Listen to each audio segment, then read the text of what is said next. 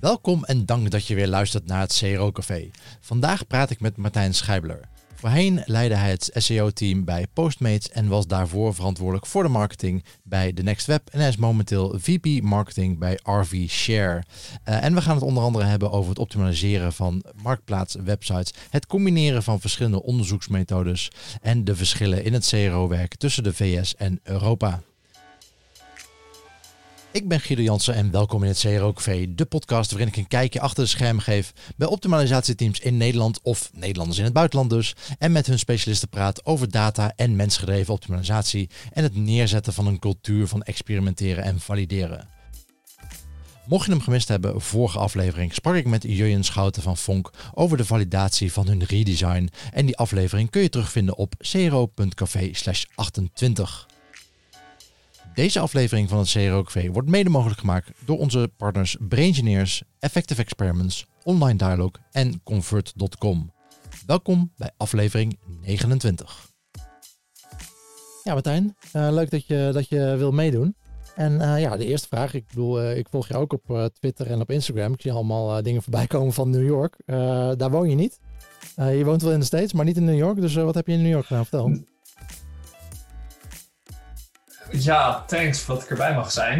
Um, ja, New York, net terug. Um, leuke trip. Ik was daar voornamelijk voor uh, Affiliate Marketing Summit East. Um, we zijn zeg maar, eerder dit jaar begonnen met, uh, met echt affiliate marketing bij RV Share. Het was altijd een van de zeg maar, ondergesneeuwde channels intern. En omdat we eigenlijk iemand hebben aangenomen eerder dit jaar, moeten we natuurlijk nog een hoop opstarten daar. Dus dat was zeg maar de voornamelijkste reden om daar te zijn. We hebben ook onze Google Account Manager en ons, uh, een deel van onze PR agency zit daar ook. Um, dus dat zeg maar was de werkkant. En omdat ik daar met een van mijn goede vrienden, Rick Dronkers, was, um, um, hebben we ook van de stad genoten. dus de helikoptervlucht kon dit keer niet uitblijven. en daarnaast nog, uh, nog genoeg rooftop bars, dat is zeker aan te raden. Um, maar ik moet wel toegeven dat het voornamelijk werk was en dat het, uh, zeg maar, je, je hebt uiteraard op Instagram zeg maar, de meeste privé dingen meegekregen, maar, zeg maar het merendeel van de tijd zat ik gewoon binnen een heel saai hotel in een soort network speed dating event om uh, met zoveel mogelijk affiliate partners te meeten. Um, dus het was ook weer niet te exotisch. Ja, precies. Ik zag ook nog een tweet van je voorbij komen. I'm at the Google New York office. Anybody know where the search algorithm is? Then I'll try to grab it and share. En is dat nog gelukt? Nou, is niet gelukt hoor. Er liepen wel een hoop mensen rond daar, maar um, ik denk niet dat daar het algoritme uitgeprint kon worden. Dus uh, helaas is dat dan maar voorbij gegaan. Helaas. Maar uh, altijd mooi om daar te zijn weer. Ja. En nu weer terug uh, thuis? Ja, nu weer terug thuis. Um, kort tripje naar New York. Um, ja. Veel on the road, omdat we ook op verschillende plekken zitten. Zeg maar ik, ik zit aan de westkust, net buiten San Francisco. net uit San Francisco verhuisd een paar maanden geleden. Um, dus veel, uh, veel remote werk, maar ook uh, heel veel in een van de, van de twee offices vaak. Um, dus New York was even, was even kort maar krachtig. Ja, nice. Hey, en uh, we gaan het uiteraard zo meteen over uh, RV Share hebben.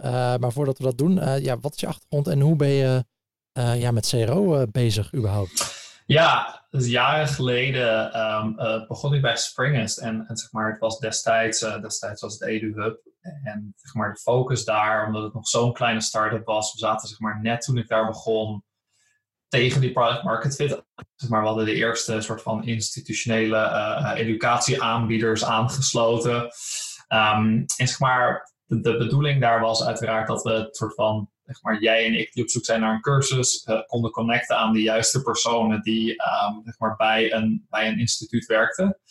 Um, en daar um, zeg maar, was het vooral heel belangrijk om, om aan de optimalisatiekant de bezoekers, de weinige bezoekers, want het ging echt om een handjevol soms per dag, zeker aan het begin, om die zo snel mogelijk te converteren, zodat er iets van product market fit was en zodat er iets van business überhaupt was om iedereen, uh, nou ja, iedereen, er, was, er waren niet zoveel mensen tegen uh, die tijd, te kunnen betalen. Um, en daarna groeide dat eigenlijk uit en ging, zeg maar, lag de focus veel meer op de optimalisatie van specifieke channels. Dus SEO en, en paid search zeg maar, waren zeer belangrijk. En dat Um, resulteerde ook in vooral het verhogen soort van, van, de, van de value van een gebruiker of van, van een klant daar. Um, dus dat zeg maar, was, de, was de echte eerste start in de, in de CRO-wereld. Um, ik denk dat vooral zeg maar, uh, het werk dat we bij TNW deden daarna wat, wat meer bekend is geworden. omdat we natuurlijk daar veel over gepraat hebben. Uh, Simon Vreeman en ik en nog, nog wat anderen ook. Omdat daar de focus vooral lag natuurlijk op het, op het vergroten van de engagement van, van, al die, uh, van alle TNW-lezers. Maar ook daarnaast zorgen dat ze zeg maar, in de lifecycle van heel de Next Web met alle verschillende business units, waaronder de conference, een beetje bleven hangen. Um, en dat was eigenlijk zeg maar, het, het echte begin. Um, tegenwoordig ben ik vooral op een andere manier ermee bezig, omdat ik meer zeg maar, teams leid um, en verantwoordelijk ben voor strategie. Ik kijk vooral naar hoe kunnen we zeg maar, optimalisatie toepassen op al die verschillende kanalen en al die verschillende kanten van het product. Um, dus iets minder hands-on, ik veel testen, bouwen, analyseren. Gebeurt af en toe ook nog eens, maar dat is meer uit noodzaak vaak dan dat het een goed idee is. Um, me zeg maar wel, uh, zeg maar, die, die, de achtergrond heeft me een hoop geleerd waar ik nu nog steeds veel aan heb. Um, en dat was zeker nuttig. Het is wel de, de, de vergelijkbare mindset, toch? Ik bedoel, uh, CRO wordt vaak ja, mensen denken dan natuurlijk heel snel aan AB-testen. Uh, ik probeer het met een podcast, met deze podcast een beetje wat breder te trekken. Maar in principe, wat je, wat je doet, die principes die je toepast en die mindset. Uh, ja, natuurlijk doen we dat eh, met CRO, met AB-testen en vooral vaak op websites. Maar ja, dat kun je op alle kanalen doen. Absoluut, absoluut. Ja, ik denk dat het zeg maar op elk kanaal waar je iets van data kunt binnenhalen, zeg maar de creatieve kanalen zoals social en zeker bijvoorbeeld aan de videokant, denk ik dat het lastiger is. Maar aan de SEO, paid search, display kant, waar zeg maar nog bijna meer getallen beschikbaar zijn, soms als in de, laten we zeggen, klassieke AB-testen. Um, daar, daar is zoveel te optimaliseren. En zolang je daar maar als bedrijf, maar ook als team op blijft focussen, dan, dan is daar heel veel uit te halen, denk ik. Um, en dat is zeg maar ook zeg maar, dat, hetgene wat inderdaad zeker aan die mindset ligt. Ja. Zolang je in die mindset blijft, dan, uh, dan komt het wel goed, zeg maar, waar je dan ook aan werkt. Ja, ja precies. Ja, het, het wordt vooral lastig inderdaad als je technische beperkingen hebt. Ja, absoluut. En zeg maar, zeker, zeker met de, de, kanalen die daar wel iets meer te targeten zijn, is het ook vaak wat meer aan de paid kant natuurlijk. Um, Maar zelfs, zeg maar, de, de Facebook organic site is, is meer en meer beperkt geworden op den duur weer. Door privacy, wat, wat, wat ook op zich niet slecht is. Ja. Um, maar daardoor is het, is het wel vaak lastig te testen. Ja, zeker bij, bij de Nextstep waar we daar veel in deden. Um, het was toch weer een beetje een soort van dat onderbuikgevoel. Terwijl we dan ook wel weer bepaalde onderdelen konden bewijzen of het nou wel of niet werkt. Maar zeker dat soort van headline testing, gut feeling check om te zorgen dat je, je post, laten we zeggen, viral gaat dat blijft toch nog wel een beetje een onderbuikgevoel. Online Dialogue is al tien jaar een toonaangevend CRO-bureau waar mensen, kwaliteit en kennisoverdracht centraal staan. Ze zijn een specialist omdat ze zich alleen richten op optimalisatie en klantgedrag. Het team zorgt voor online groei en waardevolle inzichten in je bezoekers en optimaliseren samen met jou de verschillende onderdelen van je CRO-programma, zoals websites, sales funnels en customer journeys. Voor meer info ga je naar onlinedialog.nl. Nu ben je getrouwd met Christa, uh, eh, VP Product Marketing en Growth bij, uh, bij Quantcast. Uh, gaat het bij jullie thuis nog wel eens ergens anders over? Of, Nee, we, we proberen werk en privé te splitsen, zoals het zo mooi heet, en die, en die work-life balance te vinden. Ehm, maar ik, ik kan me niet ontkennen dat het af en toe hier de, de, de Google Analytics features over de vloer wordt gegooid. Ja. Um, en dat we thuiskomen allebei en dat we het allebei nog steeds over uh, team structures, optimaliseren van kandidaten, uh, kanalen en uh, de juiste hiring tactics hebben. Ja. Maar daarnaast hebben we gelukkig ook nog genoeg andere dingen te doen. Goed zo. Dus het gaat, het gaat, niet alleen maar over analytics. Alhoewel veel mensen denken dat wij dat daar dag en nacht over hebben. Godzijdank niet. Ja, doe even een goed woordje bij haar. Dan uh, kunnen we haar misschien binnenkort ook in een uh, podcast verwelkomen. Wie weet. Zeker, zeker. De Nederlands zal niet perfect zijn. Maar uh, als je er een in het Engels doet, komt het ook vast goed. Precies. We hebben wel wat meer mensen uh, op het programma staan om, om hier, te, hier deel te nemen die, die alleen maar Engels praten. Of in ieder geval niet Nederlands. Dat gaat helemaal Dan denk ik dat ik een goed woordje voor je kan doen. Als, als het maar toepasbaar is op de Nederlandse markt en voor Nederlandse mensen interessant is, dan, dan gaat het helemaal goed komen. Ja, Hey, um, de RV Share, voor de, voor de Nederlanders die het überhaupt het concept misschien niet eens kennen. Uh, wat, wat, doen jullie? ja, de makkelijkste manier om het altijd uit te leggen ehm, is eigenlijk dat we Airbnb voor RV's en de Nederlander kent dat natuurlijk als de caravans en de campers. Ehm, daar daar focussen, focussen we ons op. Um, en maar omdat het soort van het Airbnb marketplace model is, richten we ons natuurlijk op de, de owners en de, de eigenaren van, van RV's. Om die aan te sluiten. zeg maar voor, voor perspectief, er zijn uh, meer dan 10 miljoen van, van dit soort voertuigen alleen maar in uh, de Verenigde Staten. Um, en eigenlijk als je zeg maar, naar, de, naar de gebruikerskant gaat kijken, dan heeft iedereen bijna in de US wel een trip gedaan uh, met een RV of een campingtrip in het algemeen uiteraard. En iemand herhaalt dat redelijk vaak.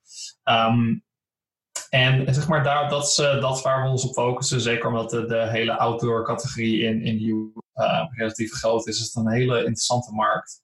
Ja, dat kan ik me ook ehm, voorstellen. Want die, die RV's uh, in Amerika... Nou ja, in Amerika zijn heel veel dingen wel vaak wel wat groter dan dat ze in Europa zijn. Ah, absoluut. En, en, dus ook duurder. Dus ik kan me voorstellen dat, dat het huren van die dingen ook heel erg interessant is ten opzichte van eentje kopen. Ja, absoluut. En wat, je, wat we zeg maar vooral zien, en dit, is meer zeg maar de business pitch waarom we ook bestaan, is dat zeg maar 86% van de tijd staat een RV bij iemand in de opslag op zijn oprijlaan um, of zeg maar voor de deur en wordt die gewoon niet gebruikt. Ja. Um, en als je naar dat getal kijkt, is het eigenlijk nog erger dan zeg maar je auto en een soort van use case voor, voor platforms als Uber en Lyft. Um, daarin, laten we zeggen, gebruik je je auto door de week om naar, uh, op en neer naar werk te rijden, boodschappen te doen. Maar, zeg maar met een RV gaat het er echt om dat je of een weekendtrip doet of op vakantie gaat. Um, nou heeft de gemiddelde Europeaan iets meer vakantie sowieso al dan de gemiddelde Amerikaan. Um, dus daardoor staat hij hier vrij vaak gewoon maar te verroesten. En het grote verschil met, met zowel auto's als met, met bijvoorbeeld een huis wat je kunt verhuren, à la Airbnb, is dat een huis heeft natuurlijk een langere, uh, hogere waarde. Um, zeg maar, het neemt niet in waarde af lange termijn, uh, wat je bij een auto of een RV wel hebt. Um, en wat bij een auto heel erg het ding is, dat die om de x jaar wordt vervangen of in een leaseconstructie zit. En de aankoopwaarde van de auto is nog steeds vele malen lager dan die van een RV. Um, dus zeg maar, het heeft aan, aan zeker de, de, kant van de eigenaar is er een hele grote interesse om, om de RV te verhuren op de duur. Um, om zeg maar een deel van het bedrag van die RV of van de, van de lease daarin goed te maken. Um, en daarin zeg maar, proberen we te faciliteren door, door zeg maar, aan de gebruikerskant de mensen die een trip willen nemen. te zorgen dat dat uh, gefaciliteerd wordt met de eigenaar, zodat zeg maar, de, de, gebruiker een goedkopere trip heeft dan bijvoorbeeld een vliegticket met de hele familie naar de andere kant van de, van de US. Ja. Um, en de eigenaar daar natuurlijk een, een flink percentage op pakt om uh, bijvoorbeeld te helpen bij een afbetaling. Um, dus dat is zeg maar in een notendop de, de, hele, de hele business. Ja, en daar ben je wanneer begonnen? Um, ik ben daar begonnen in juni 2018. Oké, dus uh, ruim een jaar nu. Ruim een jaar, ja. Wat, uh, wat, wat trof je daar aan toen je daar kwam? Wat, Um, het was een heel interessant bedrijf. Dus zeg maar, ze, zijn origineel gestart in, uh, in Akron, Ohio. Wat uh, de gemiddelde Nederlander nog nooit van gehoord heeft. Maar als je het verbindt aan de naam LeBron James, dan, dan kennen iets meer mensen het. Uh, het zeg maar zijn, zijn geboortedorp. Um, en eigenlijk als je het moet vergelijken, is het een soort van random stadje ergens in een van de provincies in Nederland. waar je waarschijnlijk niet elke dag komt. Um, en het waren zeg maar drie mannen hebben het destijds gestart, die, waarvan één uh, een RV had gekocht voor, voor, zijn, uh, voor zijn honeymoon. Uh, en na de honeymoon kwam hij er zeg maar achter dat het niks werd. en dat hij hem niet kon verhuren eigenlijk, omdat er geen platform was om de RV te verhuren en dat hij het ook niet meer zo vaak zou gebruiken. Um, hij was toevallig internet-entrepreneur al daarvoor, um, dus hij bedacht, hey, laten we eens kijken of we hier een soort van Airbnb versie van kunnen opstarten. Ja, scratching your own itch, toch? Ja, precies. Um, en zeg maar, hij heeft volgens mij bijna niet zijn eigen RV ooit verhuurd, omdat hij hem zo verbouwd had dat er en bijna niemand in kon slapen. Um, en, maar wat ik voor bedrijf daar eigenlijk aantrof, was dat het, uh, zeg maar, de product market fit was er heel duidelijk. Dit is zeg maar een, een grote markt in, binnen travel uh, in de US. Um, maar wat het vooral was, en hoe ik het altijd ondertussen beschrijf, is dat zeg maar, uh, er was geen duidelijke, laten we zeggen, marketingleader in het bedrijf. Ehm, het bedrijf was 40, 40 mensen op dat moment. Uh, we zitten nu tegen de 100 aan, uh, iets meer dan een jaar later. En wat het vooral was, is dat zeg maar, het gebrek aan strategie en het gebrek aan een soort van visie waar alles naartoe moest. Maar ook tegelijkertijd de mindset van, van optimalisatie en analytics, die miste heel erg. Um, dus dat was heel erg, uh, en dat is op zich niet slecht in het begin. Um, was het heel vaak, hey, er is een idee op maandag, laten we de hele week uh, executen. Uh, om te zorgen dat zeg maar, het einde van de week dat idee is uitgewerkt. En dan beginnen we zeg maar, de volgende maandag weer een volgende idee. Dat, dat werkt heel, ook heel goed en dat kan ook een goede mindset zijn. Ik ben zeker niet tegen die soort van sprintmentaliteit. Uh, maar zeker als je groeit en zeker op het niveau en de schaal waarop het hier ging, uh, was er wel vooral meer strategie nodig, veel meer focus op de dingen die echt werkten. Um, terwijl het hiervoor zeg maar, iets meer was van hey, laten we gewoon alles maar een beetje proberen en kijken wat zeg maar, blijft hangen. Waardoor er ook heel veel focus juist op het optimalisatie in plaats van zeg maar, de creatie bleef hangen. Um, en daardoor uh, uh, denk ik dat de groei niet zo hard ging als het zou kunnen. En die groei hebben we ondertussen wel weer redelijk versneld en gewoon extra investeringen gedaan in zeg maar, hetgene wat ook echt nodig was om dit echt maar als marketplace echt helemaal uit te bouwen. Um, en ik durf te zeggen dat, we, dat er nog een lange weg te gaan is, maar dat we in ieder geval op de goede weg zitten. Ja. Um, dus we zullen zien over x jaar waar dit, uh, waar dit eindigt. En, en wat voor optimalisaties heb je dan uh, doorgevoerd?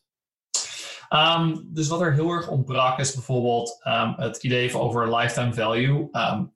gelukkig, maar een soort van ongelukkig op dat moment was het ook zeg maar dat het nemen van een RV-trip of op het RV-trip gaan is een soort van tegelijkertijd vergelijkbaar met een cruise. Je doet het niet elke dag. Uh, en als je doet, zeg maar, dan wil je het ook helemaal goed doen. En veel mensen daarvan waren niet overtuigd zeg maar, dat, ze, dat ze meerdere keren zouden doen.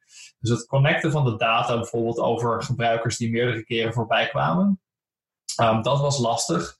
Over het algemeen, zeg maar, de, de kwaliteit van de data was, um, was niet zoals we het laten zeggen zouden willen.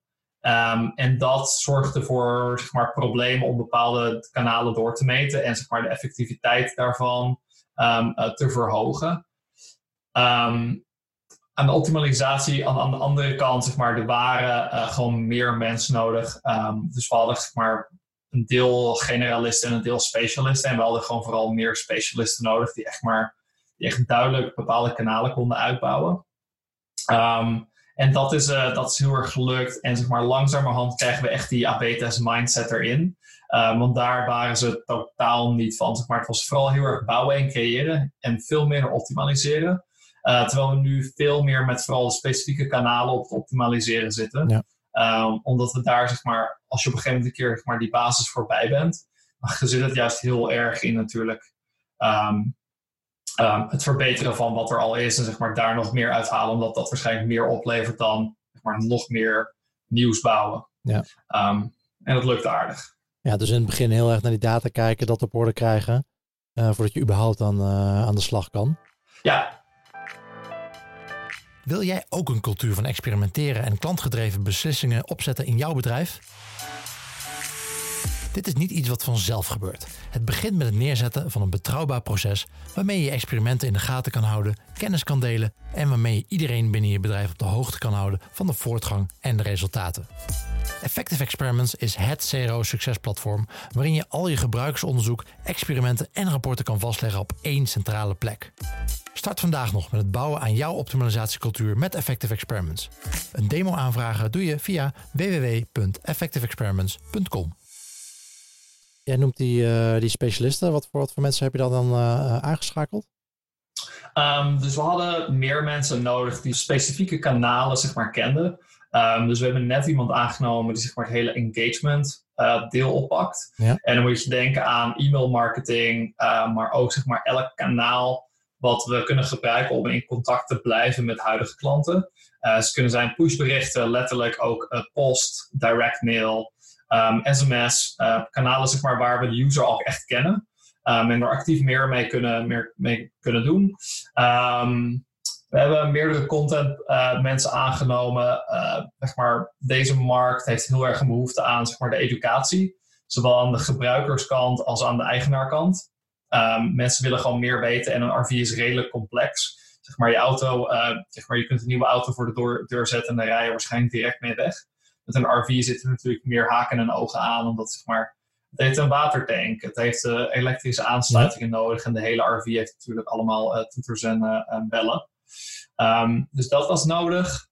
Ehm, daarnaast um, hebben we aan de partnerships kant, zeg maar, de, ook een van de redenen waarom ik naar New York was, dat we gewoon meer mensen op partnerships hebben.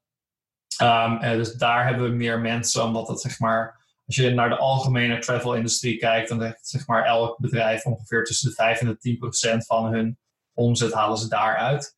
Uh, en toen ik zeg maar binnenkwam, was dat ook niet het geval. Dus daarin hebben we geïnvesteerd. Uh, en waar we nu um, uh, waarschijnlijk weer de focus naar verleggen aan zeg maar, de hiring en de teamkant, is meer zeg maar, het opleiden van het huidige team, wat vrij junior gericht is. Uh, zeg maar de, de, meeste hires die we dit jaar hebben gemaakt waren meer senior van aard. Um, zodat we zeg maar, de juiste ervaring konden binnenbrengen voordat we uh, zeg maar, gingen uitbreiden met meer junior mensen die konden worden opgeleid en getraind. En de mensen die je binnen hebt gehaald, heb je dan ook specifiek uh, mensen binnengehaald die ervaring hebben of in ieder geval openstaan uh, voor die experimenteren mindset? Oh ja, absoluut. Nee, dat was zeg maar een van de vereisten uh, waar we elke keer naar hebben gekeken. Was het soort van, hey, ben je een soort van open-minded op dat gebied? Uh, ga je niet uit van zeg maar de, de pathways, gebaande paden en zeg maar de, de, de oké-mindset of de status quo mindset. Ja. Um, en zeg maar in alle gevallen hebben we daar, daar naar gekeken. en als dat matchte, zeg maar, was het vooral uh, in het algemeen ook zeg maar, een persoon die matchte met waar het bedrijf voor stond. Uh, en waar we zeg maar, uh, als marketingorganisatie zelf voor willen staan. Um, dus zeg maar, al die, die hires die sluiten daar perfect op aan, gelukkig. Ja. En heb je naast de juiste mensen daarvoor aannemen ook nog andere dingen gedaan om echt, echt die mindset binnen het bedrijf dat, dat wat te, te pushen? Of? Ja, zeker. Um, dus de afgelopen weken hebben we bijvoorbeeld, of afgelopen maanden, hebben we heel erg gewerkt aan onze data-infrastructuur ook. Um, het draaide heel veel op soort van standalone producten en die waren steeds minder aangesloten op elkaar. Dus we hebben daar gezorgd dat al die systemen zeg maar, meer met elkaar samenwerken. Um, dus Google Analytics met onze e-mail marketing platform, we kijken naar nog betere product analytics data om te zorgen zeg maar, dat we elke specifieke stap van, van een klant aan beide zijden uh, kunnen doormeten. Om te zien zeg maar, wat voor effect bepaalde campagnes ook hebben op het gedrag van, van eigenaren. Ja. Uh, willen bijvoorbeeld dat die bepaalde features aanzetten. En dat is zeg maar, niet iets wat je natuurlijk klassiek uit je web analytics altijd kan halen. Um, of specifiek daarin kan doormeten, omdat het veel minder um, uh, marketinggericht is. Um, Daarnaast was het ook gewoon een stuk educatie van de rest van de organisatie om zeg maar, te vertellen dat wij wel echt eh, met data aan de slag gaan. Als je vooral kijkt zeg maar, naar de investeringen die we überhaupt doen in, in de marketingkanalen, dat het maar over vele miljoenen gaat, dan is het gewoon van belang dat de rest van de organisatie snapt dat als er ook maar een klein iets kapot is, dat het gewoon heel veel geld op een dagelijkse basis kan kosten. En vooral die interne zeg maar, ontwikkeling en educatie en het uitleggen daarvan, Um, dat heeft ook heel erg geholpen om, om bijvoorbeeld de buy-in te krijgen van andere product of engineering teams. Um, en zeg maar met hun te werken in de optimalisatie zelf van het product, waar wij niet essentieel gelijk voor verantwoordelijk zijn. Ja, en, en gaan jullie ook wel eens offline uh, user testing doen of dat soort dingen? Uh, ja, zeker. Um, dus zeg maar, in onze kantoren hebben we zeg maar, vaker mensen waar we gewoon mee praten als eigenaren. Uh, we krijgen gelukkig veel klantcontact. Uh, en we kijken daar zeg maar, vooral naar of we vragen ze vooral van oké, wat kunnen we verbeteren? Het product, zeker sinds ik er ben geweest, is, heeft zichzelf heel erg ontwikkeld. Um, ook vooral door zeg maar, die klantfeedback. Um, ik denk nog niet dat we op het niveau zitten, bijvoorbeeld dat we um, zeg maar, dat soort gebruikersonderzoeken kunnen doen met eye-screen testing en dat soort, dat soort zaken.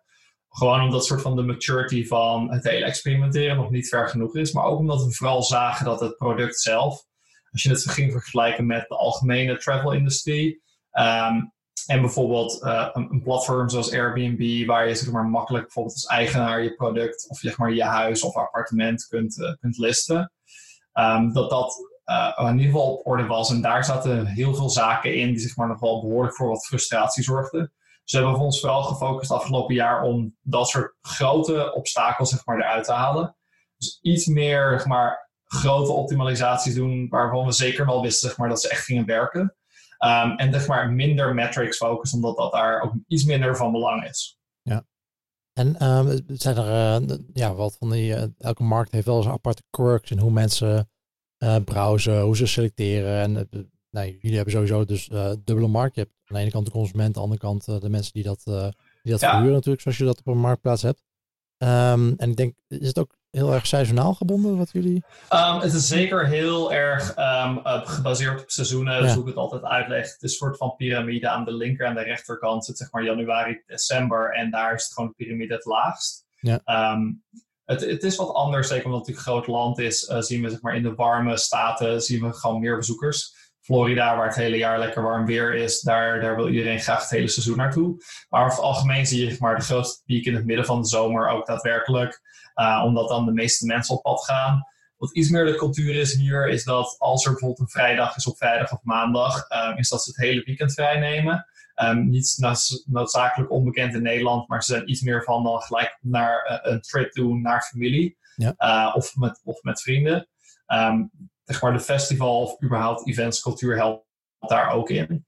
Um, dus daarin is het heel best wel specifiek, maar ik denk ook redelijk vergelijkbaar met andere travelpartijen. We zijn gewoon iets minder retention-based en dat zie je ook zeg maar, terug in die seasonality.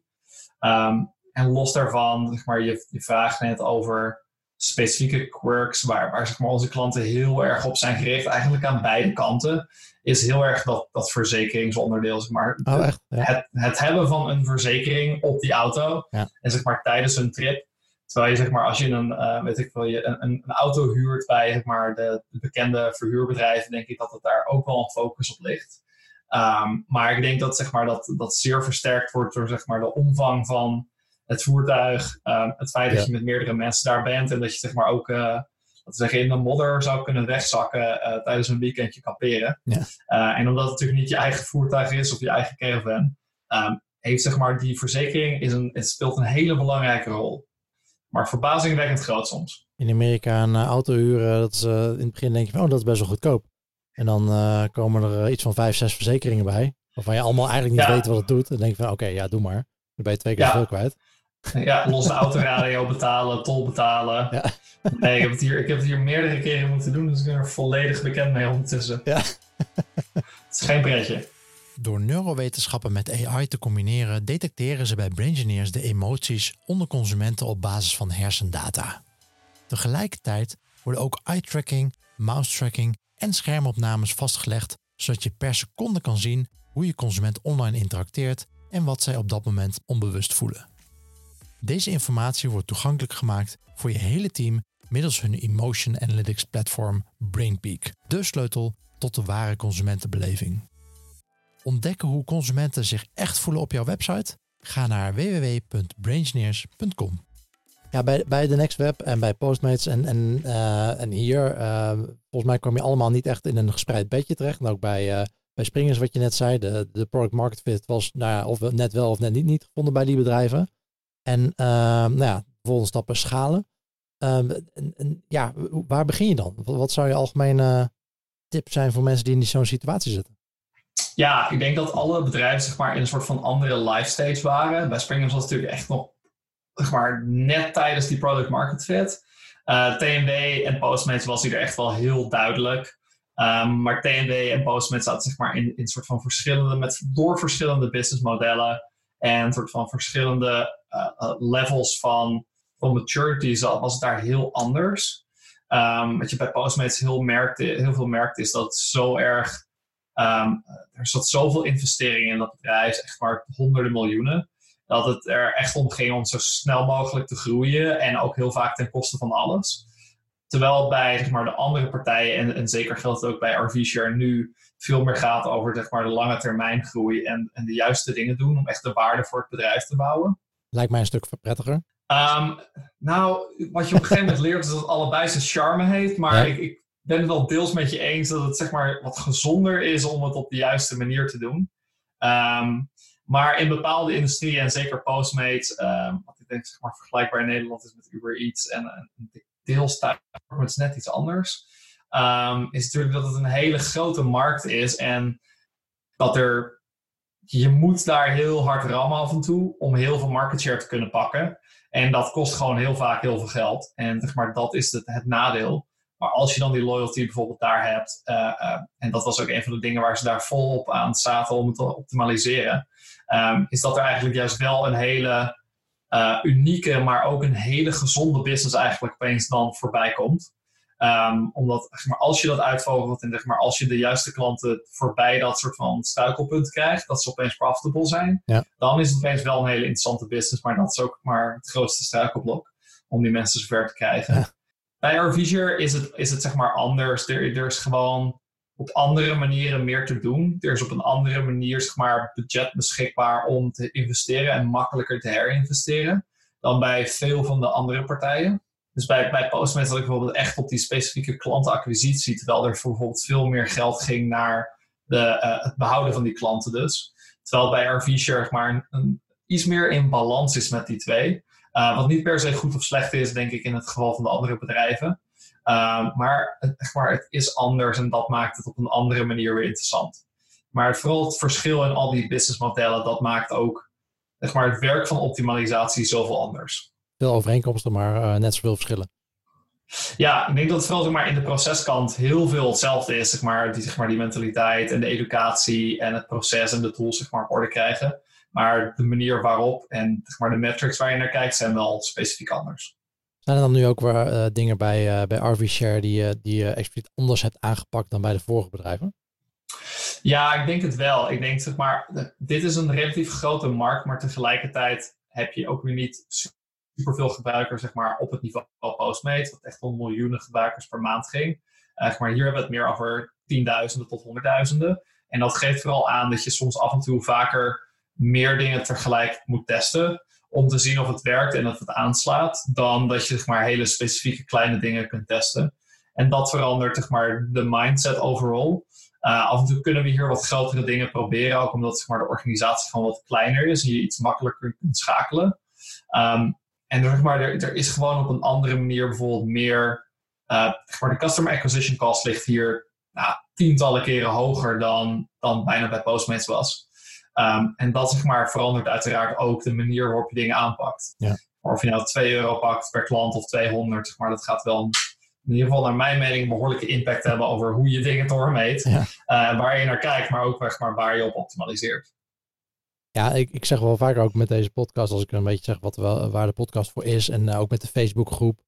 Dat het niet alleen maar gaat om kennis delen, maar dat het soms ook een beetje is dat we, ja, ja we maken van alles mee. Dat we ook een beetje bij elkaar moeten kunnen uithuilen. Ik zag een tweet van jou voorbij komen. Missing an important launch because one variable is off. Vertel. ja, dat was een. Uh, de, de launch zelf ging nog wel oké daarna ook. Het was ook niet de beste launch die we ooit hadden. Uh, maar het ging letterlijk om één, om klein onderdeel in letterlijk de e-commerce settings. Uh, die niet goed was de dag van tevoren. Uh, of zeg maar op de dag zelf van de launch. We hebben uiteindelijk een dag uitgesteld en we zijn alsnog live gegaan. Maar ja, dat was wel een, wel een pittige, omdat we op het laatste moment nog achterkwamen dat één specifieke pixel in de hele tracking, zeg maar, overhaul die we deden, um, die had niet de juiste data.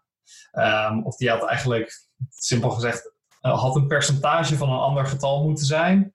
Um, en maar dat percentage was ook weer variabel, dus we hadden ook niet even snel kunnen hardcoden nog ergens in. en dat zorgde oh, ervoor ja. maar dat we 24 to 48 hours uiteindelijk, uh, uiteindelijk live gingen uiteindelijk is het wel goed gekomen. Maar het was wel zo'n dingetje dat je denkt, ja, hadden we ergens nog op moeten schrijven. Hadden we live gekund, hadden we in ieder geval een dag extra gehad. Maar het zat er niet in, helaas. Helaas, dat was een, uh, gewoon een nieuwe versie van de website die Nou, dit ging over uh, zeg maar een deel van onze tracking uh, zeg maar, leefde en leeft nog steeds eigenlijk deels in, in Segment. Um, en we hebben een deel van zeg maar, de marketing focus tracking in Segment overgeheveld naar Google Tag Manager. Uh, iets meer client-side, iets meer flexibel voor, voor onszelf. Om ook andere punten door te meten en iets makkelijker de data soms door te sturen zonder maar, de hulp van, van developers. Zeg maar, het bekende verhaal. Um, en het ging mis in, uh, in dit geval zeg maar, van de tweet ging over de, de transactiewaarde. Die, de transactiewaarde klopte op zich, alleen het moest daarvan een, zeg maar, het commissiepercentage zijn. Ja, ja precies. Hey, uh, nou, ik noemde net al die Facebookgroep. Uh, ik had een uh, oproepje geplaatst van, hey, we gaan met Martijn praten. zijn er nog wat vragen? we hebben twee vragen. eentje van Lucas en eentje van, mm -hmm. van Arnoud. je had ze al gezien, ja. volgens mij. Um, nou laten we met die van Arnoud beginnen. waar ligt je meeste interesse? CEO of CRO? Ja, wat ik ook al aan Arnoud liet weten, en dat, dat weet hij denk ik zelf ook wel, ik ken hem goed genoeg, is dat zeg maar, maar de passie lag vroeger zeker bij SEO en daarna iets meer SEO. Het ligt nu meer, moet ik eerlijk toegeven, bij, bij geen van beide. Iets meer aan de analytics en nog meer het bepalen van, van zeg maar, strategie en het, en het opzetten van teams. van, van marketing en growth teams specifiek. Maar daar ligt nog wel echt meer interesse. Um, ook omdat ik daardoor vaker merk dat gewoon nog meer um, zeg maar de mensen die daar op werken binnen, binnen zeg maar, de teams waar je mee werkt, daarin kan ondersteunen. En dat vind ik bijna nog leuker dan specifiek uh, zeg maar, de nieuwste SEO-tactiek weer bedenken. Ik vind het leuker om met hen, zeg, hun zeg maar, te brainstormen over wat, uh, wat we daarop moeten focussen. En dan vooral aan de strategische kant. Um, gegeven moment was ik wel, eh, wel klaar met zeg maar, weer de laatste SEO-implementaties doen met, uh, met specifieke teams daarvoor. Uh, en iets meer nadenken over de strategie die daarachter zat, in plaats van zelf tekstjes schrijven en af en toe een page title moeten, moeten optimaliseren. Er allemaal helemaal niks mis mee, maar op een gegeven moment was er, waren, was er toch dingen die leuker waren. Ja, en in je Twitter bio staat ook uh, growth, marketing, product, branding, SEO, analytics. Lekker breed, ja, ja, de SEO heb ik er uiteindelijk ingelaten omdat het toch maar het grootste deel, gedeelte van mijn background was. Maar ik moet toegeven dat elke keer als het weer voorbij zie komen, dat ik ook twijfel uit te halen weer. Nou ja, doe dat even voordat de aflevering live gaat, dan uh, halen die daar. Ja, ja, dat zal ik doen. Ja. Kun je zien of ik, uh, of ik naar geluisterd heb. Ja. En um, ja, Lucas Vos had ook een vraag. Um, uh, zijn er significante verschillen in de benadering van CRO in de US ten opzichte van Nederland? En uh, ja, wat kunnen we daar in Nederland uh, nog van leren of eventueel andersom? Ja, nou, ik denk dat zeg maar, in zeker zeg maar, in het gebied van San Francisco, maar naast of, in Silicon Valley, hoe je naar wil kijken, is zo veel meer de mindset om naar de data te kijken. De grote is natuurlijk elke Amerikaans bedrijf, zeker hier in de buurt, is groter, heeft meer resources, wel of niet zeg maar, door, door de investeringen die ze hebben gehad. Uh, maar vaak wat je merkt is dat zeg maar, alles begint vanuit de data en zeg maar, de mindset van het optimaliseren daarin. Um, ik wil niet zeggen dat het in Nederland helemaal niet is. Ik denk dat in Nederland, zeker, maar, zeker ook de mensen die, die naar deze podcast luisteren, daar, daar heel erg goed in zijn en vooraan in staan. Uh, maar wat je over het algemeen wel merkt, is dat die bedrijven wat verder zijn in die mindset, dat ze daar meer aan gewend zijn en dat iedereen zeg maar, ook die richting volgt. Uh, in plaats van dat een C-level of een VP of SVP zeg maar, zegt van oké, dit is de richting die we opgaan. Um, dan zullen daar iets vaker hier oké okay mee zijn qua richting. Um, maar ze zullen daar vaker alle getallen zeg maar, voor gebruiken om die richting of bij te sturen. Of daarin te bewijzen zeg maar, dat, we, dat je op het juiste pad zit. En ik denk dat dat wel dat wat anders is. Het maturity level over het algemeen in zeg maar, data gebruiken. Um, en zeker, maar zeker de grotere bedrijven zeg maar, die wat meer kracht hebben daarvoor, maar ook wat meer kunnen investeren bijvoorbeeld in senior uh, talent. Die zijn er vaak wat verder in. Toen ik bij Postmates bijvoorbeeld binnenkwam, was gewoon letterlijk driekwart van het hele bedrijf, wat echt gewoon een paar honderd, eh, wacht maar honderden mensen waren. Um, niemand gebruikte daar bijna een soort van visualisatietools voor hun data. Ze zaten allemaal zeg maar, keihard SQL te kloppen om, uh, om de data uit hun eigen database te trekken. Ja. Zeg maar, van de financiële account manager soms tot uh, zeg maar, de product analyst en tot ja. bepaalde engineers om zeg maar, te bewijzen dat een bepaalde feature werkte. Um, nou, het had natuurlijk ook zijn voor- en zijn nadelen in dat, in dat specifieke geval. Maar, zeg maar het bewijst wel hoe zeg maar, het gebruik van data daarin voorop staat. er kwam eigenlijk niemand binnen die bijvoorbeeld die kennis niet had. Um, of het zeg maar niet, überhaupt niet kon vertellen wat zeg maar SQL voor stond. Ja. Um, en dat is, uh, ik denk dat dat een, een, een verschil, een groot verschil is. Um, ik wil ook niet zeggen dat het altijd goed is. Ik denk zeg maar, zeker aan de marketingkant dat je een deel creatieve mensen moet hebben die wel naar de data kijken. Um, maar niet specifiek daarin uh, de hele dag hoeven te, te bivakeren, zeg maar. Nee. Um, maar zeg maar, dat hele mindset en hele ondersteuning daarvan en het begrijpen daarvan, maar ook vooral het willen investeren in de infrastructuur, vooral zeg maar de integratie zelf. Um, dat is veel meer. En ik denk dat er ook veel meer een connectie is, uh, vergeleken met Nederland en Europa in het algemeen, is dat er veel vaker uh, engineers betrokken zijn in dit soort projecten. Terwijl het, uh, wat zeg maar in Nederland gezien heb bij veel partijen, is dat er of een, zeg maar een agency binnenkomt, deels vertelt maar, hoe het moet gebeuren dat is natuurlijk de klant nog steeds op de juiste manier opleiden, maar dat zij veel vaker verantwoordelijk zijn voor bijvoorbeeld het bouwen van de testen. Maar depending aan, de complexiteit van, van zo'n test. Ja. terwijl het in, hier in de Verenigde Staten veel meer is van de developer is vanaf moment 1 aanwezig, gebruikt de data, voegt ook de tracking toe zeg maar, om te zorgen dat je het nog beter kunt doormeten. En zeg maar, heeft een essentiële, veel meer essentiële rol in het hele proces. Uh, omdat ze veel meer van, veel meer vaker in ieder geval van het bouwen zijn dan van het kopen in bepaalde gebieden. Ja. Um, en dat, ik denk dat dat een, een behoorlijk verschil is, in ieder geval van wat ik tot nu toe heb gezien. Oké, dus, dus uh, veel meer datagedreven bezig zijn en uh, veel meer dingen in-house willen doen. En ook om, omgekeerd nog dingen die, die Amerikanen misschien van, van Nederland, of nou Nederland is natuurlijk heel klein, maar misschien van hoe we dingen in West-Europa doen qua CRO?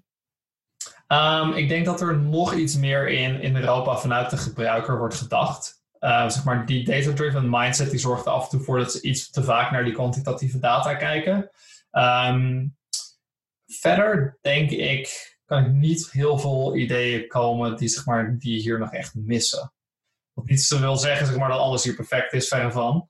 Um, maar dat, dat zijn wel de grootste verschillen. Ja, dat is inderdaad ook wel wat ik, eh, wat ik zie inderdaad. De data gedreven, dat, dat is inderdaad prima. Maar het is wel inderdaad vooral die kwantitatieve data waarnaar gekeken wordt. Ja, laten we toch maar voor de gebruiker nog een keer vragen. Inderdaad, dat, uh, dat, dat mist af en toe. Ja, en ik, ik, ik, snap het ook wel. Ik bedoel, sowieso in onze industrie hebben we natuurlijk... Ik bedoel, iedereen heeft Google Analytics uh, uh, geïnstalleerd en lekker aanstaan. Dus die data heb je gewoon. Dus natuurlijk heb je die heel erg de neiging om dat dan ook maar te, daarna te gaan kijken en dat te gaan gebruiken. En die, die kwalitatieve data, ja, daar, moet je elke keer je best voor gaan doen. Uh, dus dat is ja. lastiger.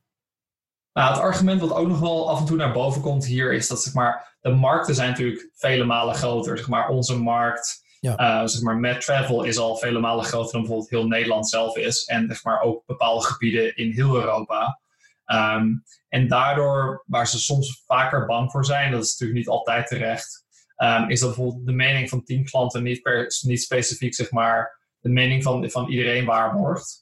Um, terwijl je daar in Europa, zeker op specifieke doelgroepen, waarschijnlijk iets sneller mee weg kunt komen. Um, wat ik al zei, maar dat, dat is niet de reden waarom dat zo altijd zou moeten. Um, ik denk dat het zeker nog vaker kan, maar ja. ik, ik hoor dat argument af en toe. Ja, en dan, dan ja, wat ik dan altijd zeg, van ja, het gaat er niet om of het een of het ander gebruiken. Het gaat om juist die combinatie. Ze vullen elkaar aan.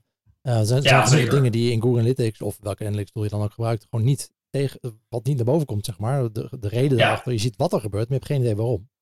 En, uh, en, en, daarom vullen ze elkaar heel goed aan. En inderdaad, ja, als je alleen maar met als je die mensen interviewt en daar je hele business op uh, verandert, ja, dat zou ik ook niet uh, aanraden. Ja, nee, dat, dat is niet aan te raden. Nee, Maar het is inderdaad wel wat je zegt van, ja, als je in Amerika een, een business start, je hebt natuurlijk heel snel een veel grotere markt die je kan bereiken. Dus dat je, kijk, in Nederland, ja, als je hier wat doet, ja, je moet die, die klanten wel bijgaan, want je hebt niet altijd uh, de kwantitatieve data om beslissingen op te nemen.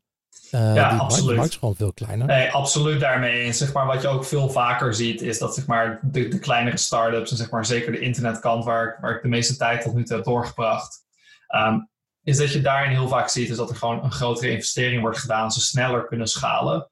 En dat er daardoor ook meer en sneller data is, omdat ze ook bereid zijn meer te investeren, bijvoorbeeld in traffic acquisition, om die, om die data er zeg maar uit te halen. En maar vooral die schaalgrootte, die zorgt voor een deel andere problemen. Maar ik denk dat die ook zeg maar, die maturity kan versnellen. Ja. Um, en ik denk dat dat een, een, een, ook een, al wel een extra essentieel verschil is. Maar die, die snelheid überhaupt hier, um, door die schaalgrootte, dat, dat geeft een soort van extra accelerator aan het hele verhaal. Ja, ja en user research kost, kost over het algemeen ook meer tijd. En als je nou eenmaal die bak data hebt, ja, als je gewoon maar, dan kun je wel met hagel gaan schieten. Dat hoeft niet zo precies als in Nederland te zijn. Maar als je, ja, als je zoveel data hebt, ja, dan het werkt wel, zeg maar. dus misschien niet. Ja, ja nee, zeker. Maar ik denk dat het daardoor ook bijvoorbeeld is, als je zeg maar, naar de toolkant kijkt, is dat er veel meer. En het is natuurlijk een, een onzin buzzword, zeg maar, de machine learning-achtige tools worden hier voor optimalisatie meer gebruikt, omdat er gewoon meer data beschikbaar is. En je hebt sneller die data ook. Ja. Um, omdat er gewoon meer van is. En daardoor kunnen ze gewoon wat meer testen ook. Um, maar het heeft, het heeft zeker inderdaad ook een keerzijde, omdat zeg maar, die data kan dingen bewijzen die zeker in de realiteit niet altijd kloppen. Of zeg maar ook echt van, van waarde zijn. Zeg maar. we, zagen, we wel wat use case daarvan bij Postmates af en toe. Heb jij interesse in geavanceerde optimalisatietips? Of ben je binnen je bedrijf een conversieoptimalisatieproces aan het opzetten of verbeteren? Convert.com is de organisatie achter Convert Experiences, de privacy-georiënteerde AB-testing tool die dit allemaal een stuk makkelijker maakt.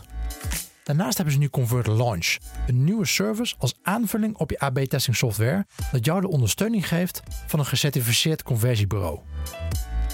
Denk aan extra training, opzetten van een interne hypothese en prioritering en hulp bij experimenteren. Voor meer informatie hierover ga je naar convert.com/launch. Hey, laten we een beetje gaan afronden. Um, uh, waar gaan jullie de, de, komende twaalf maanden aan werken? Wat gaan jullie doen? Um, ja, dus waar we nu steeds meer op focussen, zeg maar, we hebben heel veel, heel veel nationwide gedaan, zeg maar, over de hele US. Um, er gaat steeds meer focus zijn op die specifieke regio's. Uh, omdat we zien zeg maar, dat iemand specifiek in bijvoorbeeld een, space, uh, een Los Angeles area of rondom San Francisco op zoek is naar een, een camper slash RV. Um, dus we willen meer zeg maar, die klanten daar specifiek op vastbinden. Uh, maar ook de eigenaren zorgen dat we gewoon lokaal meer RV's beschikbaar hebben. Uh, want je gaat natuurlijk niet, uh, je, je rijdt niet zomaar via RV van Florida naar, naar San Francisco nee. om daar te verhuren.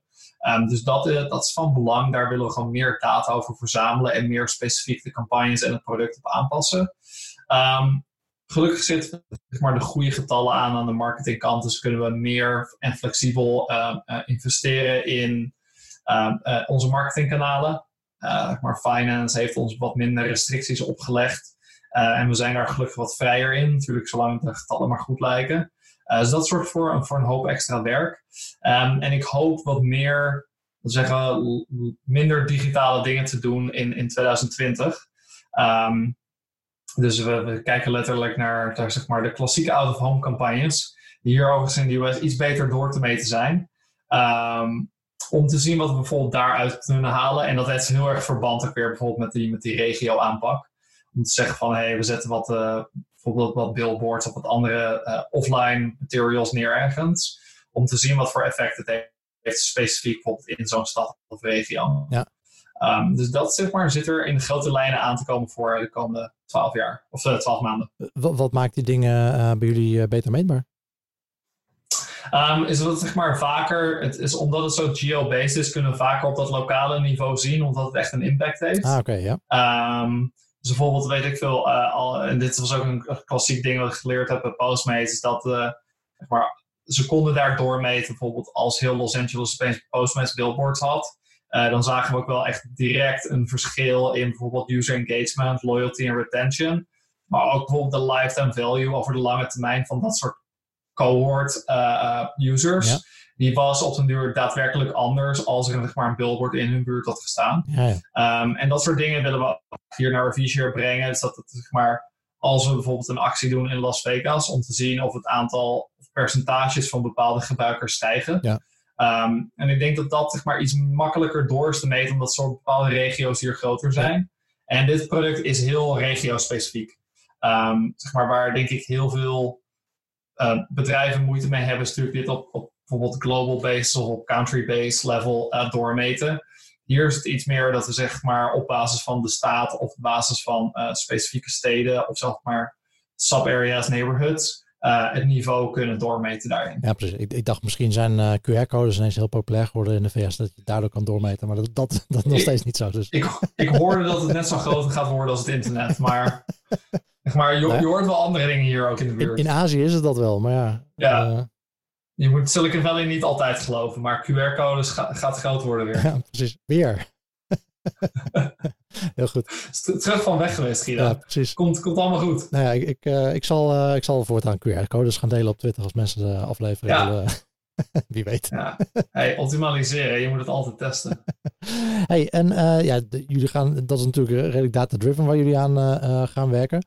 Maar haal je ook nog extern, los van het met Christa thuis over hebben, maar haal je ook extern nog ergens uh, je inspiratie vandaan? Ja, zeker. Maar met, Christa kom ik gelukkig uh, nog steeds meer dan genoeg op, uh, op veel congressen. Dus dat, dat helpt. Um, niet altijd aan de kenniskant evenveel, maar vooral voor het netwerk zeg maar, de juiste mensen vinden. Um, waar maar, de focus uiteraard vooral op ligt, is, is, het team helpen. Um, dus niet zozeer altijd mezelf, maar meer zeg maar, die specifieke mensen daarin helpen. Um, nog steeds veel, veel koffie drinken met mensen zeg maar, die, die het snappen. Of af en toe een belletje inplannen als zij zeg maar, iets meer weten van een bepaald onderwerp en daar die inspiratie.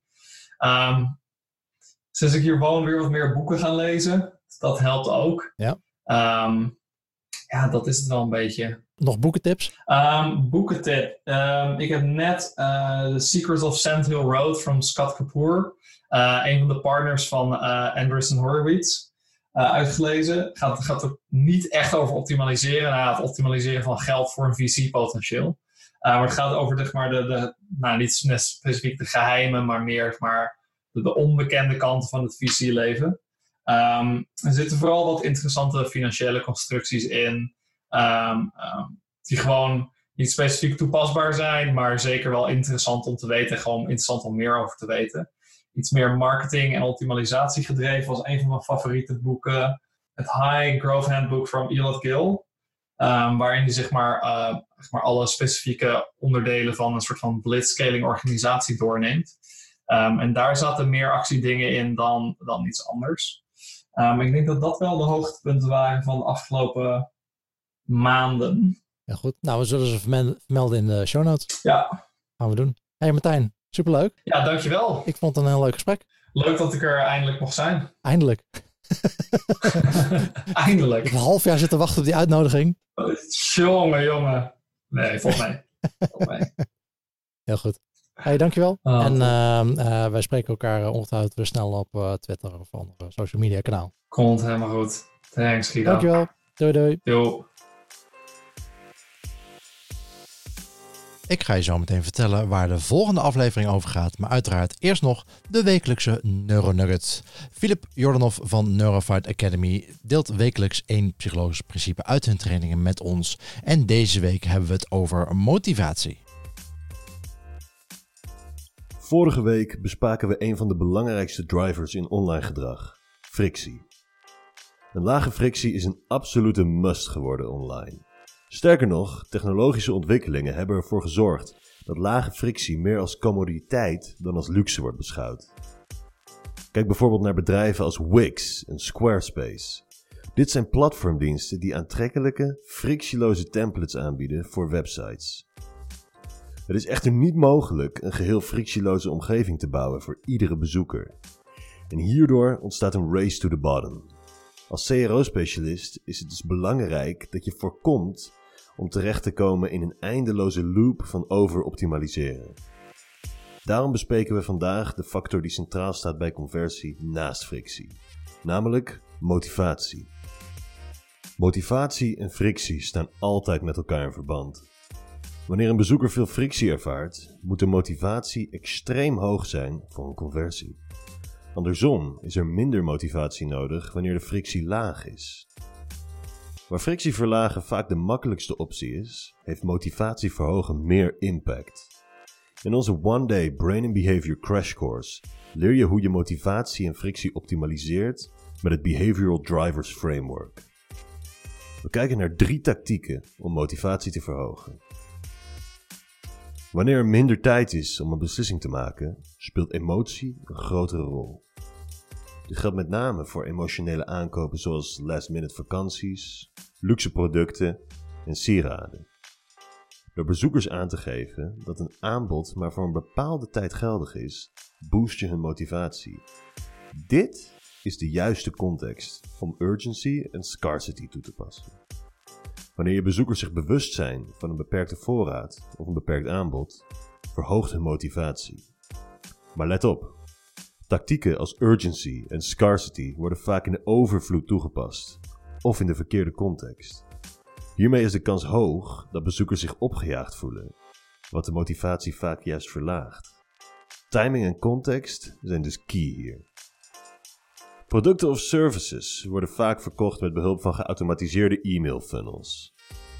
Met een reeks aan e-mails worden bezoekers door de funnel geleid.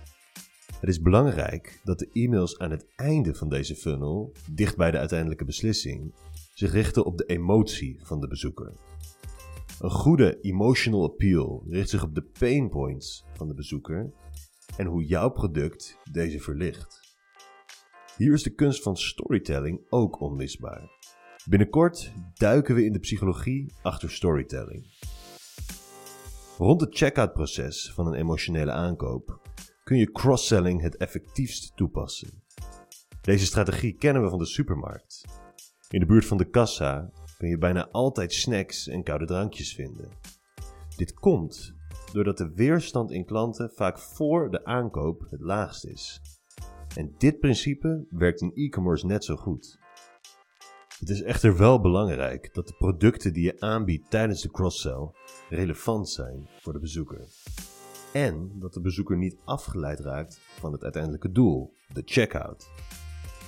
Dit zijn de drie takeaways die je kunt gebruiken om motivatie te verhogen. Wanneer een bezoeker een emotionele aankoop overweegt, kun je de motivatie boosten door urgency en scarcity toe te passen. Let wel op dat je dit in de juiste context doet en met de juiste timing, anders kan dit principe averechts werken. Wanneer je een product verkoopt met behulp van geautomatiseerde e-mail funnels, richt dan de communicatie aan het einde van de funnel op emotie. Door dicht bij het aankoopproces aan te stippen hoe jouw product painpoints verlicht, boost je de motivatie van jouw bezoekers. Aan het einde van een dergelijke funnel is de mogelijkheid om cross-selling toe te passen het meest effectief. Zorg er echter wel voor dat de cross-sell relevant is voor de bezoekers en dat deze de bezoekers niet afleidt van de checkout. Volgende week tijdens de alweer 30ste Neuronugget bespreken we een van de meest controversiële onderdelen van de toegepaste psychologie, namelijk de invloed van kleur. Tot dan! En dankjewel Philip voor je wekelijkse Neuronugget. En dit was aflevering 29 van het CRO-café met Martijn Schijbeler van RV Share. Mocht je hem of Christa nou willen spreken, op 8 oktober zijn ze beide in Nederland voor het Digital Analytics Congres, waar Christa een keynote heeft en waar ook de CRO Café podcast aanwezig zal zijn voor een livestream. Meer info over dat congres kun je vinden op digitalanalyticscongres.nl. Ook op 8 oktober en ook in Utrecht. Maar dan in de avond hebben we de tweede CRO Café Unconference. Dus kun je meteen door vanaf Digital Analytics Congres naar de Unconference. En dit keer doen we dat in het kantoor van Online Dialog. Meedoen is gratis, maar we hebben beperkt plek. Dus zorg ervoor dat je op tijd een plekje bemachtigt. Inschrijven en meer info kun je vinden op cro.café unconference. Ja, en bol.com is niet de enige partij die ervoor heeft gekozen een eigen testingtool te ontwikkelen. Volgende week zit ik namelijk om tafel met Kevin Anderson van de ING Bank. Het hele bedrijf is al vier jaar geleden geswitcht naar Agile en de impact daarvan op zijn werk en of dat goed is afgelopen voor hun experimenten hoor je in aflevering 30. Tot dan en always be optimizing.